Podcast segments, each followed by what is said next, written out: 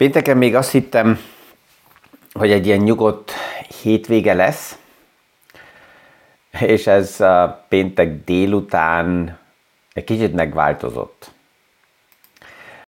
Mi is aktuális pénzpiaci témákról, összefüggésekről beszélgetünk. Gazdaságról érthetően János Zsoltal. Üdvözlünk mindenkit a mai PFS Kávézac podcaston. Abár nekem uh, személyesen nyugodt volt a hétvége, de Silicon Valley-be uh, a hétvégén biztos, hogy minden, ami így kommunikációra használható, az füstölt. Egy pár órával a hétvége előtti zárás előtt bejelentett, jött egy bejelentés, hogy az OpenAI CEO-ja, vezetője Sam Altman elég hirtelen és nagy magyarázat nélkül, vagy homályos magyarázatokkal elvesztette a pozícióját, egy másik vezető lett hirtelen betéve, és ez oda vezetett, hogy az a másik vezető, amelyik átmenetileg Altman helyett kellett volna vezesse OpenAI-t, az is azt mondta, hogy akkor ő is megy, és viszi az egész stábot magával, és erre fel a hétvégén a főbefektetők OpenAI-nál azt jelentették be, hogy hétfőre azt várják, hogy újra Sam Altman hétfőn legyen a pozíciójával, tehát nagy zaj megy. Ez, ez a héten biztos, hogy fog foglalkoztatni, még, erről majd fogunk beszélgetni, mert a mai nap többet fogunk megtudni, de hogy ez mennyire, miért ennyire jelentős az egész téma, az OpenAI sztoria, ezt akkor veszük észre, ha megnézzük, hogy mi a terméke OpenAI-nak, és ez miért érinti Microsoftot. A ChatGPT az OpenAI-nak a terméke, és Microsofttal együtt lett ugye az ChatGPT bevezetve, és hogy csak egy ember, egy név mennyire meg tudja mozdítani egy egész iparágat, ez um, elég érdekes uh, sztorinak tűnik. De ha megnézzük, hogy ez miért annyira jelentős, ahhoz vissza kell menjünk egy pár évet, és megnézni, hogy különböző üzleti modelleknek mennyi idő volt szükséges azért, hogy egy millió felhasználót meg tudjanak nyerni, felépíteni. Ha megnézzük Netflix üzleti modell, 1999-ben indult el Netflix, ugye az új forma filmnézés, mozi, mozi lehetőség oldaláról 3,5 fél évet tartott, amíg 1 millió user lett ott felépítve. Aztán, hogyha megyünk lefele és ismertebb neveket veszünk, mint például Airbnb, 2008-ban indult el, és két és fél év kellett, hogy körülbelül 1 millió user legyen, Twitternél két év, Facebooknál 10 hónap, Spotify még egy ismert márka név volt, 5 hónap után sikerült egy millió usert felépíteni, Instagramnek 2,5 hónap, két és fél hónap után, ha bár Instagram ugye már össze volt csatolva, vagy csatlakozott nagyon hamar Facebookhoz, ez a gyorsaság, és ChatGPT-nek nem is 2023-ban, mert 23-ban, amikor a nagy tömeg észrevette, hogy létezik ChatGPT, akkor ez az első hullám már lejárt, az első valódi erős hullám az még 2022 év végén volt, 5 nap volt szükséges, hogy ChatGPT-nek egy millió userje legyen. Tehát ebből érezzük azt, hogy ezért elég jelentős az, ami, ami uh, Sam Altman körül ott történik. Uh, de ez most csak spekuláció lenne, tehát egy lehetett csak így a hétvégén látni és hallani, hogy mekkora a zaj, ezért is most erre mélyebben nem meg bele, de a héten biztos, hogy ezt még egy párszor is szóba fogjuk venni. Egy másik téma volt érdekes beszélgetésből a hétvégén, hogy az egész pénzpiaci rezsim változás, a körvilág változása hova vezet, és ez mit, mit fog jelenteni a következő évekre, mert ez a, ez a másfél éves nagyon radikális kamat felrántása, ez megváltoztatta a, a pénzügyi környezetnek elég több részét és több szövegváltozást fogunk látni a következő hónapokba, évekbe. Az egyik, ami megváltozik, az az, hogy az a, az a narratíva, az a szöveg, hogy csak részvény, csak részvény az egyetlen lehetőség, ez azzal a rezsim háttérrel, amit ma már látunk, ez nem stimmel. És, és a kérdés ugye az, hogy ez milyen gyorsasággal szivárok be a portfóliókba, és itt mi, mi, mi fog történni.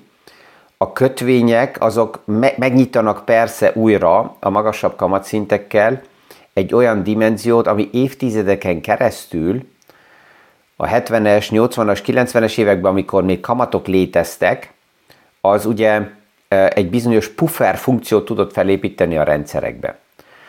A témát azért veszem kézbe, mert a hétvégén egy beszélgetésből, ahol ugye így a megváltozott rezsim környezetről és a kötvényekről beszélgettünk, pont az a visszajelzés jött, hogy hát pff, kötvények, hát nézzük meg, hogy mi volt a kötvényekkel az elmúlt két évben a portfólióba. És az érdekes ugye az, hogy itt ugyanaz van, mint a részvényeknél is, hogyha egy részvénynek az árfolyama csökkent, akkor menekülni lehet, de nem a menekülés az ideális, hanem azokat a lehetőségeket, ami a mélyebb árfolyamon adódik, azt inkább megvenni érdemesebb.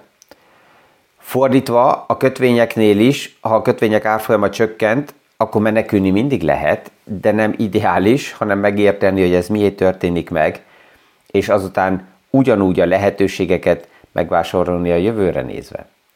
A legtöbben azért keveredtek össze, legalábbis én ezt így érzem a kötvényeknél, mert a kötvény az egy olyan lény, egy olyan kategóriának volt elhelyezve, ami sokkal egyszerűbb, és nem kell annyira komplexen, komplikáltan a, a gazdasági hátterekkel foglalkozni, és valójában ez pont nem így van, hanem a kötvény sokkal-sokkal komplexebb lény és, és termék, mint egy részvény. Most ha veszek egy nagy, valamelyik vállalatnak a, a szituációját, mit tudom, egy DAX vállalatot, egy Siemens-et, ha kézbe veszek, akkor a Siemensnek ma van egy részvénye, kész. És ez a részvény ki van bocsátva, a tőzsdén kereskedve van, ennyi. Megvan a részvény. Nem komplikált. És emellett, ha megnézem, a, a, a Siemens könyveiben benne van, aktuálisan körülbelül 45-50 különböző kötvény. Különböző futamidőkkel, különböző kamatokkal, különböző jogi megfogalmazásokkal egyenként. Ezek ugye mind egyedi hitelszerződések, tehát sokkal komplexebb a, a kötvényvilágot, hogyha ezt kézbe vesszük, és ha már kötvényről beszélünk, és itt ezt egyszerűvé szeretnénk tenni, akkor minimum azt mondanám, hogy két kategóriáról kell beszéljünk. A kötvény egyik kategóriája, ami az államkötvényekkel van inkább lealkotva, az a kamatváltozási kockázatot és lehetőséget hordozza magába. A másik kategória, ha nagyon egyszerűvé vesszük, akkor az lenne a vállalati kötvények, és itt inkább a bonitási kockázat és lehetőség az, ami be van árazva. Ez az oka annak is, hogy államkötvényeknek a kamatszintje általában alacsonyabb, mint a vállalati kötvényeknek a kamatszintje, mert ott más kockázatokat kell beárazzon ugye a, a, az egész a kamatokon keresztül a, a szerződés. És itt újra és újra jön a kérdés, hogy jó, de hát meddig maradnak fenn a kamatok? Alapjában azt remélhetnénk, hogy a kamatok hosszabb ideig maradnak fenn. Mert ez azt jelenti, hogy ha a kamatok hosszabb ideig tudnak fennmaradni, hogy a gazdaság elég erős, és kibírja az egészséges kamatszintet mert igen, idegen tőke kell pénzbe kerüljön. Az, hogy idegen tőke ingyen van, ez nem egészséges. Tehát ezért abból a szituációból érdemes, hogy a, a gazdaság kikerüljön, hogy megint magasabb kamatszint legyen. A másik pedig a központi bankoknak a magasabb kamatszint kell, mert csak akkor van száraz puskapor, hogy tudjanak reagálni, hogyha a piacokban bármi történik, tehát ezért is remélni tudjuk, hogy a kamatok magasabb szinten maradnak. Ha valami történne, akkor ugye erről a szintről ugye megvan a lehetőség, hogy, hogy visszaengedjenek kamatszinteket. Ha most valaki pont érintett, mert az ő üzleti modele, vagy a befektetéseinek valamelyik része a nagyon-nagyon olcsó időszakra volt ráépítve, ne hát azt értem, hogy ő szeretné, hogy legyen újra alacsony kamatszint, de indirekt akkor ő azt szeretné, hogy legyen újra nagyon nagy probléma, rajta kívül másnak is legyen problémája, azért, hogy a kamatokat csökkentsük, és ez összességében nézve ezt nem, nem kívánjuk. Ez a, ez, a, ez, a, ez a beszélgetés, ugye, és ez az egész vita, hogy milyen a, legyen az arány a kötvények és a részvények között, ez lesz az, ami a következő években újra életet fog kapni és jönni fog, minél rövidebb a futamidő, és egy ideig ugye, amíg nem volt kamat, addig ez oda került, hogy az volt a narratíva, és az került sok oldalról be, hogy akkor a részvények, akár már három évtől felfele, lehetnek az egyetlen lehetőség a portfólióba. Most a megváltozott kamatkörülményekkel ez megváltozik, és a, a rövidebb idősávra, tehát így vegyük idősávként olyan két, három, négy évre, a kötvények túlsúlyozása a portfóliókba megadja azt a biztosabb, kiszámíthatóbb fejlődési lehetőséget, a kamatváltozási kockázattal az megmarad, és minden, ami hosszabb időre van, 5 év, 7 év, ott a túlsúlyozás a részvények oldaláról tovább meg lehetne hosszú időre nézve a rentabilitást a részvénypiac hozza, de az, hogy nullára levinni valamelyiket a kettőből, oké, okay, hogyha ultra rövid a befektetés egy éven belül, akkor ott nyugodtan a részvényrész teljesen nullára lehet csökkenteni, mert az nettóba csak spekuláció. Csak ugye látjuk ezt, egy hétvégén jön egy, egy headline, hogy egy vezetőt elbocsájtanak valahonnan, és már radikálisan korrigál egy egész szektor. tehát rövid időre ezt ki lehet venni, hosszú időre nézve a portfóliókban még mindig megvan a kötvényeknek is a helye. A kérdés persze mindig az, hogy milyen kötvényt. És ez, ez a vita, hogy milyen arányba, hogy állítom ezt össze, ez pont ahhoz passzol, mert erre is jött kérdés, hogy ezek az elemzések, amit a múlt héten említettem, azok hogy néznek ki.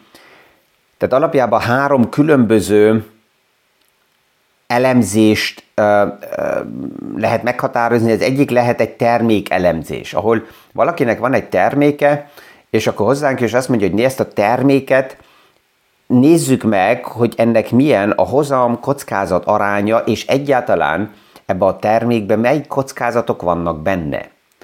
Bonitás kockázat, iparák kockázat, kamatváltozási kockázat, tehát milyen kockázatot vettem meg, ami miatt kapok egy megfelelő hozamot, vagy hozamígéretet. E második kiértékelés vagy elemzés lehet a portfólió elemzés, hogy valaki azt mondja, hogy oké, okay, van egy tárolóhely, X bank, ott van különböző termék, ezeket nézzük meg, és um, elemezzük azt, hogy ez itt, itt mi rejlik ebbe a portfólióba. És a legmagasabb szintű elemzés az lehet a konzolidált vagyonelemzés, ahol az ingatlantól a, a régiség, a befektetések, az értékpapírok, tehát minden kategória egymás mellett van, és ennek az elemzését tudjuk megcsinálni. Azok az ügyfelek, akikkel dolgozunk, azoknak így a, a szolgáltatásnak ez egy fix része, hogy ezeket az elemzéseket megcsináljuk, de nyugodtan jelenkezhet bárki, és azt mondja, hogy né, szeretnék én egy termék, egy portfólió, vagy egy összvagyon, egy konszolidált vagyon elemzést, és akkor ebből pont ezek az arányok mutatkoznak, a legtöbb esetben, úgy, ahogy a múlt héten is mondtam, ha ezt megcsináljuk, akkor nem csak egyszerűen egy, egy, egy papír jön, hogy itt az elemzés, hanem azután persze, hogy a beszélgetésben megnézzük azt, hogy milyen a helyzet, és milyen idősávokat kell figyelembe venni, hogy az egyes befektetési kategóriát egymáshoz megfelelő arányba lehessen tartani. Vissza a puffer funkciókhoz. A kamatokkal, azzal, hogy kamat jelenik meg a piacba, jönni fognak újra a garancia és a puffer funkciók. De nem olyan intranszparensen, mint az elmúlt évtizedekben, mert régebb ugye nem volt meg az a nagy transzparencia, amit ma látunk, ezért az ügyfelek azt hallották, hogy oké, okay, van egy termék, ebben van egy garancia, és kész. De hogy mi van mögötte, mi szükséges ahhoz, hogy ez a garancia működjön, az az információ nem volt meg.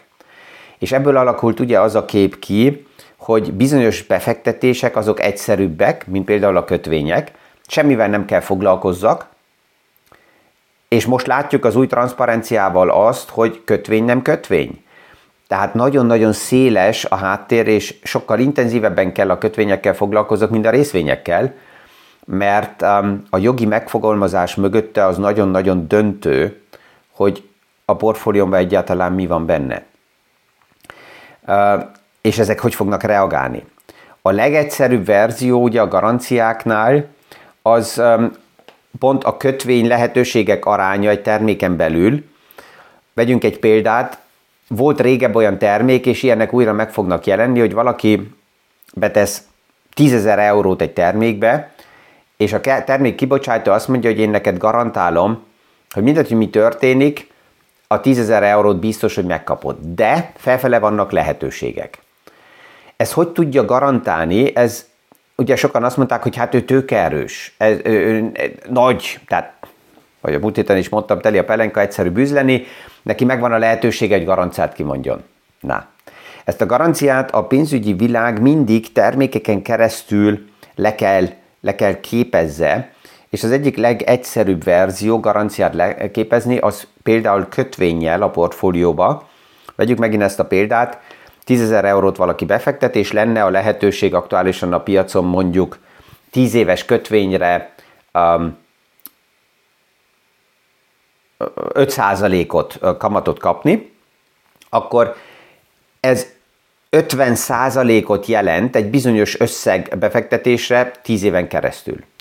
Tehát most a garanciát kibocsátó azt tudja mondani, hogy én kalkulálok azzal, hogyha a befektetésből a 10 ezer euróból veszek például 7000 eurót, ezt befektetem egy ilyen 10 éves kötvénybe, melyik évente 5%-ot fizet, akkor tudom, hogy a kamatokon keresztül, most körülbelül 10 év után a 7000-ből lett 10.000 euró. Vagy valamennyivel több. Tehát ki tudom mondani, hogy én ezt garantálom. A többi 3000 eurót, az pedig kockázatosabb, más befektetési kategóriákba tudom befektetni, és így a befektetőnek azt tudom mondani, hogy né, hogyha ideadod a pénzedet, akkor van neked egy garanciád, kevesebb nem lesz, de felfele nyitott. És akkor itt jön a marketing, hogy akkor a fantáziából le lehet eh, mondani, hogy ide fektetünk be, oda fektetünk be, és ebből a differenciából lehet valamennyi összeg. Na most, ha megnézzük, akkor az elmúlt évtizedekben pont ez volt a szerepe a pénzügyi intézményeknek, hogy ilyen kombinációkat összeépítsenek, és kívülről az emberek ezt a legtöbben nem is látták, hogy mi van benne, mert ez kvázi mint egy black box volt így kibocsátva, ez megváltozott. Amikor most újra ilyen termékek jönni fognak, és a pénzpiaci iparág alapjában pont ezért örvend, hogy újra léteznek kamatok, mert újra ilyen garancia kombinációkat tudnak felépíteni, ez a jövőben nem a régi black box formájába fog megjelenni, hanem mostantól most már kell az információ az ügyfeleknek, tehát ezt az ilyen garancia termékeknél a részletreírásban majd lehet látni, hogy milyen kötvényen keresztül képezik le ezt a garanciát. Ennek a kötvénynek a kockázati kategóriái lesznek pontosan írva. Um, tehát ez, az új egyszerű termékek sem lesznek annyira egyszerűek, sokkal komplikáltabbak, és ezért is veszem ezt a, termé- ezt a témát ma kézbe, mert hogyha visszatérünk ugye a Siemenshez, és azt látjuk, hogy van egy részvény, de a háttérben vagy a könyvekben benne van 45-50 különböző kötvényverzió, akkor ez azt jelenti, hogy ezeknél a garancia termékeknél is, amik jönni fognak, nem egy modell lesz, hanem attól függ, hogy a garanciát min keresztül próbálja az, az intézmény leképezni, annál komplexebbek lesznek a leírások, és még jobban kell arra figyeljek, hogy akár ne történjen olyan, mint amit az idén láttunk, ugye a Credit Suisse-nek az egyik kötvényénél, vagy két különböző kötvényénél, az egyik, amikor Credit Suisse-nek problémája lett márciusban, akkor az visszaesett 20%-kal, de az átvétel után újra felemelkedett 100-ra, a másik kötvénye pedig, amikor a problémák megjelentek, lecsökkent nullára, és ott is maradt. Ez a kötvény különböző megfogalmazásnak és jogi hátterének a verziója, amire sokkal jobban kell figyeljek a jövőbe, mint befektető, mint eddig. Um, eddig is. És ezek a transzparenciák jönni fognak. Az érzésem az, hogy a héten még ezekről a puffer funkciókról a piacban nagyon sokat fogunk beszélni, mert legalábbis én e, sok gondolatot felírtam, amire most nem is volt idő, hogy, hogy rátérjek, mert um, így lassan, óvatosan próbálom ezt felépíteni, mert nagyon komplex a téma. de, de megéri ezzel foglalkozni, mert a rezsimváltozás, és amit látunk, ez tényleg egy nagyon erős rezsimváltozás. A mai portfólió gondolkozások és összeállítások nem ugyanazok, mint akár két évvel ezelőtt. Mert időközben ezzel a radikális kamatváltozással megváltozott szinte minden forgatókönyv. És aki felteszi ezt a kérdést, hogy na ja, de hát ez meddig fog így maradni, reméljük, hogy hosszabb ideig. Mert ugye ez mutatja azt, hogy elég erős a gazdaság, hogy ezt a magasabb kamatszintet kibírjuk és tudjuk magunkat továbbvinni. Ezekkel a gondolatokkal elindulunk ebbe a hétbe újra. Kellemes napot kívánok mindenkinek, és a viszonhallásra a hónap reggeli PFS Kávézatsz podcastig.